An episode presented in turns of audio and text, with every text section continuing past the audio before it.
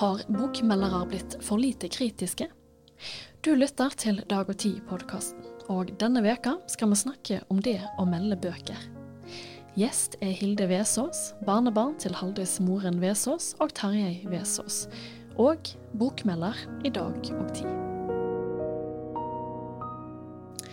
Velkommen, Hilde Vesaas. Takk. Du er forfatter, lektor og fast eh, bokmelder i Dag og Tid. Mm. Veldig kjekt å ha deg her i dag. Kjekt å være her. Og det er jo melding av bøker som eh, er tema i dag. Og så skal vi òg bli litt bedre kjent med deg. Mm. Men før vi begynner å snakke om det å melde bøker, så vil jeg gjerne ta en tur inn i heimen din. Jaha. Inn i heimen Ja. til en bokmelder. Mm. For jeg ser jo for meg at du har masse bøker overalt. Stemmer det? Ja, det stemmer. Det stemmer for så vidt, det. Men det som er med meg, er at jeg Det blir litt personlig da med en gang, men jeg pleier å si at jeg er ikke så verken flink til eller glad i å bo. Det interesserer meg veldig lite å bo. Altså jeg mener Folk i dag er så opptatt av å pusse opp interiør. De legger veldig mye energi og penger i heimen sin, da. Og det gjør ikke jeg. Jeg er mer sånn nomade som liker å flytte meg rundt. så nå har jeg eid samme leilighet i ti år, men jeg har leid den ut i flere av de årene hvor jeg har bodd andre steder. Og da er bøker veldig tungt å flytte på. Da er det. Det er noe av det tyngste. Så dessverre, da på en måte, så er det en konsekvens av det at veldig mange av bøkene mine er i kasser. Ja. Jeg har en kjempestor bokhylle i stua, jeg har det, og den er jo stappende full, men eh, jeg har dobbelt så mye liggende, eller mer, rundt omkring. Mm.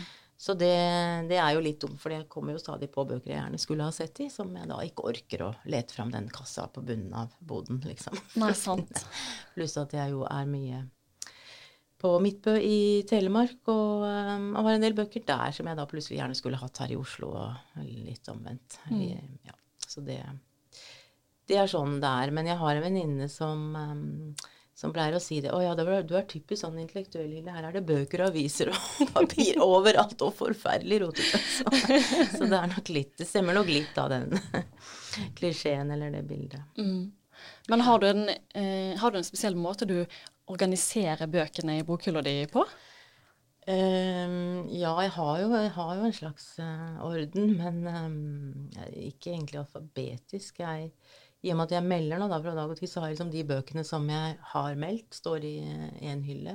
Det har vært flere hyller. Og så de som jeg skal melde, står et annet sted. Så jeg liksom, hvis jeg har fått, det hender jo jeg får dem litt på forhånd.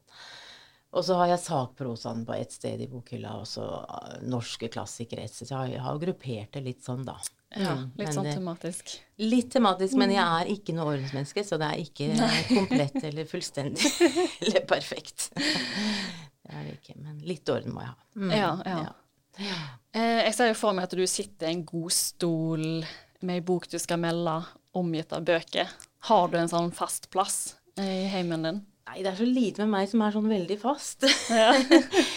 så eh, det har jeg ikke. Men det som jeg kan nevne som jeg, jeg tenkte på på forhånd at jeg skulle fortelle som eh, kanskje litt uh, morsomt, er at i sommer så har jeg fått veldig sansen for å ligge i hengekøye og lese. ja. Så det har jo vært så fantastisk mye bra vær eh, i sommer. Så jeg har tatt med meg ryggsekk med bok og notatbok og hengekøye og gått ut i skogen rett og slett og funnet meg Jeg må jeg ha to trær, da. og så har jeg ligget der og lest flere faktisk Altså ikke gjennom hele bøker, men det har vært en fin ting i sommer. Jeg, og før også så har jeg likt å sitte ute, altså så fremt det er mulig, da, for, um, på grunn av været og sånn. Men så det mm, Men ellers hjemme så sitter jeg både i sofaen, jeg sitter på balkongen hvis det er bra vær.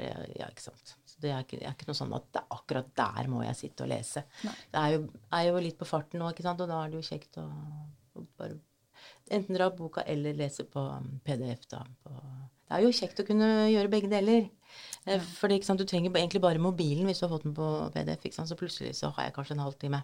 Mm. Og så har jeg ikke med meg eh, boka hvis jeg har fått den fysisk, så kan jeg faktisk lese litt der jeg er. ja. Men syns du at det gjør noe med opplevelsen? At uh, å ikke ha ei fysisk bok, men å lese digitalt? Jeg syns det gjør mye med opplevelsen. Ja. Absolutt. Så eh, det er noe med litt Det smitter liksom over, tror jeg, det som kanskje preger oss i det hele tatt når vi er på skjerm. En viss sånn rastløshet. rastløshet. At du hele tiden vil videre. ikke sant? Sånn, som du, når du scroller på Facebook eller søker på nettsider, hele tiden klikker deg inn på nye ting. Det blir litt det samme, føler jeg, når du leser um, en skjønnlitterær bok på skjerm, at du blar litt for altså, Blikket liksom automatisk søker litt for fort nedover siden. Det er et eller annet rart som skjer. Finner ikke roen helt? Nei, finner ikke helt roen. Så det er, det er en mye roligere og bedre opplevelse å lese en fysisk bok. Og det er klart det er, det er jo viktig å lese boka skikkelig når en skal skrive om den. Så for meg så blir det Men det er det at noen ganger så er det veldig praktisk da, å kunne lese den på skjerm. Mm. Og det hender jo ikke så rent sjelden at jeg får den først på PDF, ikke sant. For det, det, postgangen er jo blitt treig, da. Ja.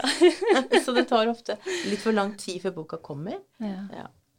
Men vi skal litt ut av den nomadeheimen din og, og snakke litt mer om dette her å melde bøker. Du var jo så vidt inne på det nå òg. Um, men jeg har jo en, i en tidligere episode av Dag og Tid-podkasten så snakka jeg med ei som melder film mm. i Dag og Tid, Britt Aksnes. Og hun ser jo film i arbeidstida si, og du leser bøker i mm. arbeidstida di. Um, og for mange så vil jo dag høres utrolig kjekt ut mm. å kunne bruke arbeidstida si på noe sånt. Ja. Men det blir jo veldig mange bøker å lese mm. og melde i mm. løpet av et år, ser jeg for meg. Ja. Eh, og du må jo sitte igjen med mange inntrykk òg, etter å ha lest alle disse bøkene. Mm. Så når du da skal sette deg ned og lese en ny bok, og melde en ny bok, har du da et slags ritual du går i gang med før du, ja, før du begynner å mm. lese? Nei, jeg har egentlig ikke det, altså. Eh, ikke noe sånn veldig ritual. Men hvis jeg har fått boka fysisk, så, så leser jeg jo litt selvfølgelig både altså det som står bakpå, og litt Eh, Står gjerne litt om forfatteren. Hvis det er eh, utenlandske forfattere som jeg ikke kjenner så godt, så googler jeg dem gjerne litt. Prøver å ikke lese om akkurat den boka, men det er jo greit å kjenne litt til uh, forfatterskapet for å sette det er jo en del av meldinga, det, tenker jeg, å sette det inn i en, en kontekst. Mm. Den, akkurat denne ene boka. Um, så sånn veldig ritual utover det har jeg vel ikke. Men, jeg, men jeg, det er viktig for meg å ha en sånn notatbok ved siden av boka hele tiden. Jeg legger liksom, bretter det gjerne sammen, sånn at jeg kan, kan notere underveis. Mm. Noen ganger så skribler jeg jo litt i, eh, i boka òg. Um, og noen ganger så tar jeg masse notater uh, for meg selv mens jeg leser, og andre ganger nesten ingenting. Det er, det er veldig, veldig varierende. Ja. Ja. Det er lettere å begynne på meldinga hvis jeg har notert mye, da. Det er det jo, for da har jeg allerede en del jeg kan hente inn. Ja. Men når du noterer, har du da et, sånt, en slags liste med vurderingskriterier som du går gjennom bevisst mm. eller ubevisst mens du leser? Jeg har nok etter hvert en mer ubevisst liste i hodet. Mm. Da jeg var ny, så hadde, hadde, jeg litt sånn liste på papir som jeg så etter. Ja. Men ganske fort at jeg la den vekk. jeg føler nok nå at det går ganske sånn intuitivt. At jeg har eh, såpass mye erfaring at jeg vet hva jeg skal se etter, uten at jeg trenger å, mm. å hente det fram sånn bevisst. da. Men hva er det du ser etter når du skal melde ei bok? Ja, det, det, er nok de uh, mer sånn uh, nødvendige og tradisjonelle kriteriene likevel. Det er bare at det, at det, skjer, liksom, som jeg sier, litt sånn intuitivt og nesten automatisk. Men det, vi må se på språket, om det er litt friskt, nyskapende, mm. originale bilder. Og se på komposisjonen, om det henger godt sammen. Se på personframstillingene, om det er troverdige karakterer. Ja ja, det er jo de tingene som man alltid ser etter som kvalitetskriterier i, i litteratur. Mm. Men en må, det, er, det er viktig å lese hver enkelt bok på sine egne premisser. Ja. Så da blir det jo litt forskjellige ting en vektlegger i meldinga også. Hva som er viktig å trekke fram. Ja. Jeg syns jo nesten alltid at jeg har for liten plass. det har blitt ganske strengt. Det var litt mer um, rom for å skrive litt lenger de første i hvert fall det første året jeg jobba her. Men nå har det vært veldig sånn Skal være 3500 tegn. Ja. Um, ja, for du har meldt i Dag og Tid i tre år? Ja, vel tre og et halvt år. Ja. Jeg blir fire år nå over jul. Ja. Um, men klarer du For jeg regner jo med at du leser bøker på fritida di òg. Mm. Leser du bøker på en annen måte da enn når du skal melde de for Dag og Tid? Ja, jeg gjør nok det, men jeg er nok blitt en kri veldig kritisk leser når jeg leser. Eller så, altså. Så det, det, er nok på en måte blitt vanskeligere å liksom, kose seg med en god bok, da. Ja, det har det, ja. ja, jeg syns nok det. Litt, i hvert fall. Men det, det, altså, det har både med at jeg leser så mye mm, profesjonelt, og at det er liten tid til å lese andre ting. Um, det hender jo selvfølgelig at jeg har absolutt at jeg har gode leseropplevelser utenom også, altså utenom meldingene. Men jeg hører nok kanskje mer og mer på lydbøker da, når jeg, når jeg skal ha litterære opplevelser. Ja. Mm, utenom Ja, så hører jeg mye på disse strømmetjenestene. Ja. Mm. Det hender jo også at jeg har nytta dem i meldingene, faktisk, med oversatt litteratur. For da kan jeg av og til være så heldig at uh, særlig engelskspråklig litteratur ligger ute opplest Mm. mens det blir oversatt, eller før det blir eh, ferdig oversatt i norsk. Ja. Så det har vært med disse store navnene. Så har jeg av og til kunnet høre dem gjennom på engelsk først. Så da har jeg allerede Jeg må jo lese norsk også, selvfølgelig, men da har jeg liksom allerede kjennskap til hva det går i, og ja, for ser du på dag når du melder i bok, hvordan oversettelsen. Ja, oversettelsen er har blitt gjort. Jeg gjør absolutt det. Ja. Det, det, er føler jeg nok. Du har fått et ganske skarpt øye for med å drive med melding, som jeg sikkert ikke tenkte så mye på før. Mm. Mm. Så prøver å få inn, men det blir vel Fordi det er liten plass, så prøver jeg Eller vil, vil ha det med, men det blir gjerne bare en setning helt til slutt om å Hvis ikke det er noe selv spesielt om eh, omsettinga, da. Sant. Dessverre. Ja.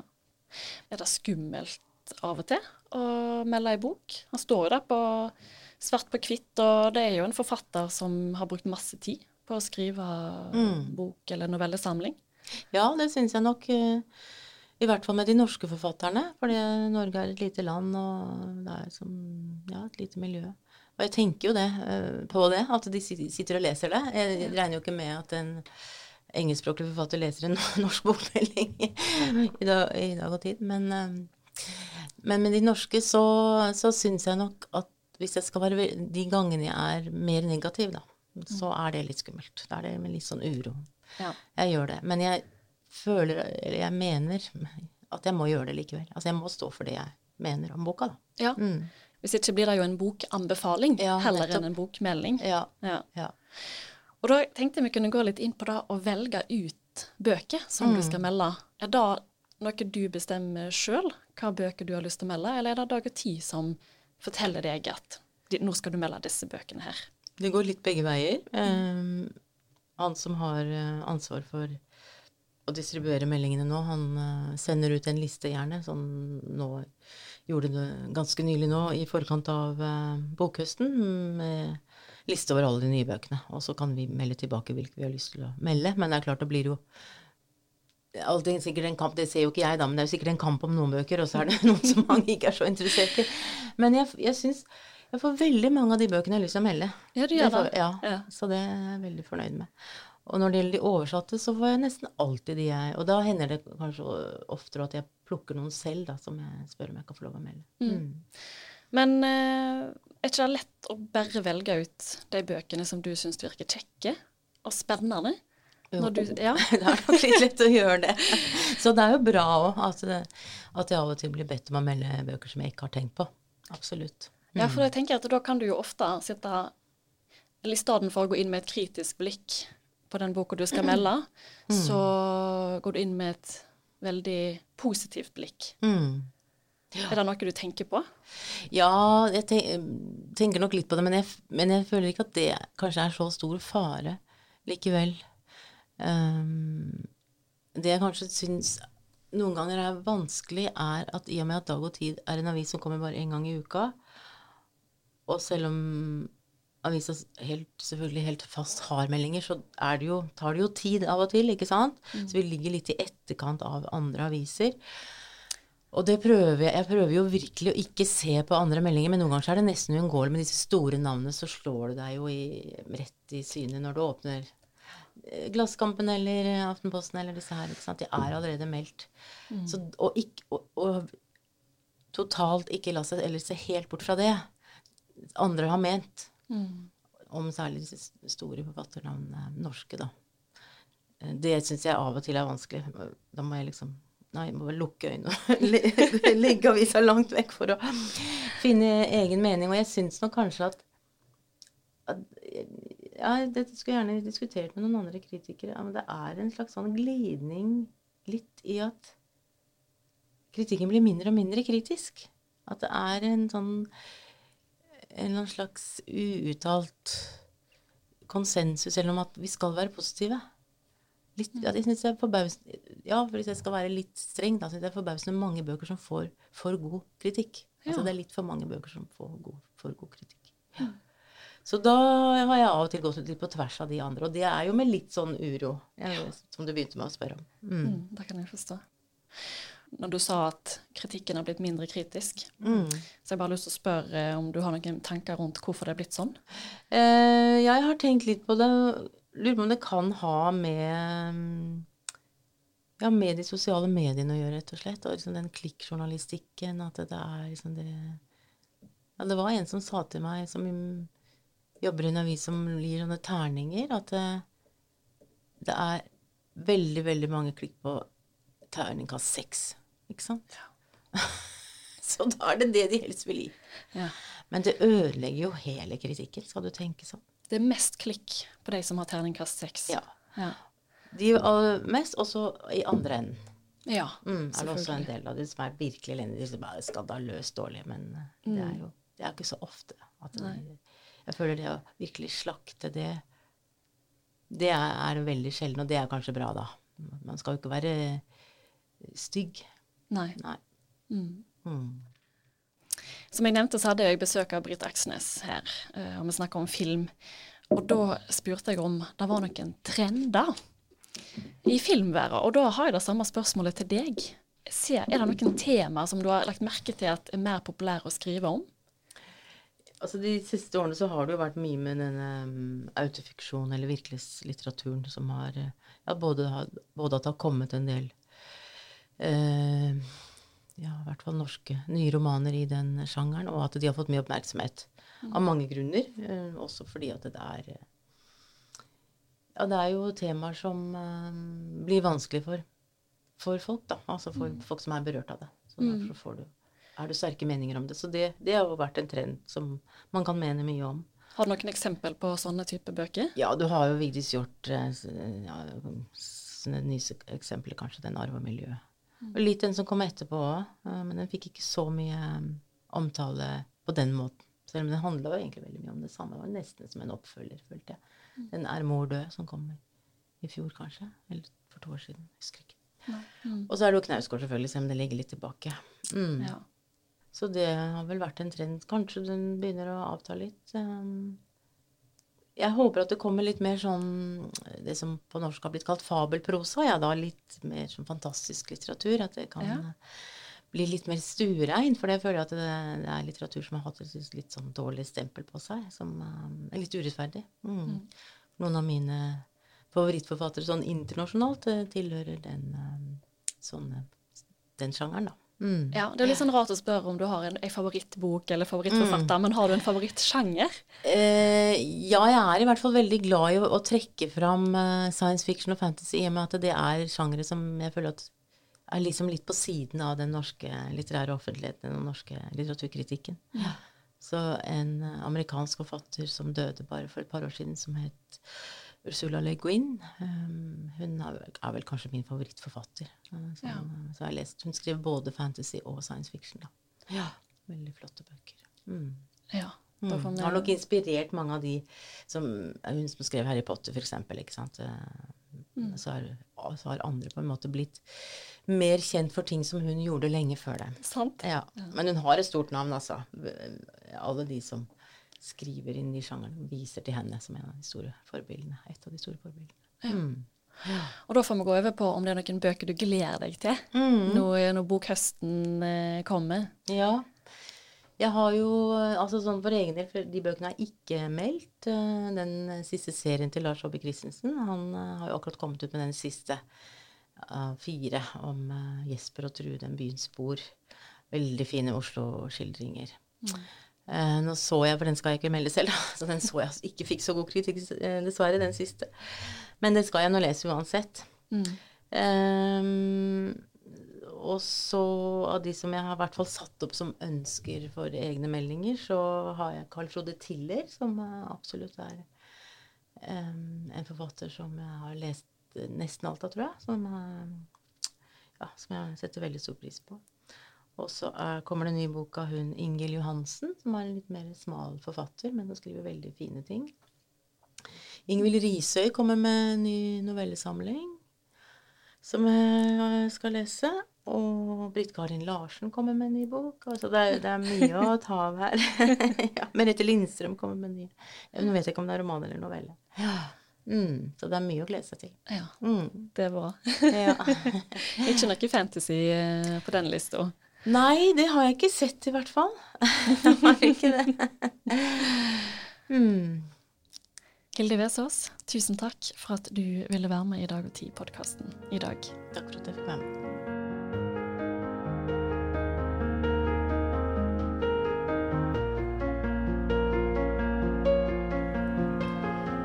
Du lytter til Dag og Tid-podkasten. I studio denne veka var jeg Sofie Mai Rånes. Har du tilbakemeldinger på podkasten vår? Send gjerne en e-post til sofie.krøllalfa.dagogti.no. Vi er tilbake neste uke. Takk for at du lytter.